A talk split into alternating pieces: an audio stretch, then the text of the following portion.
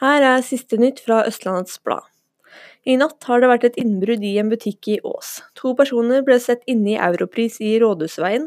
Innen politiet kom på stedet, hadde personene kommet seg unna. Oppegård kommune solgte en idyllisk strandeiendom på Svartskog for flere millioner kroner, med klausul om kyststi langs strandkanten. Nå vil ny eier bygge en drømmebolig.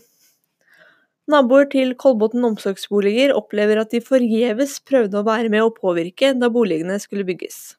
Er det den type politikere vi vil ha, spør de.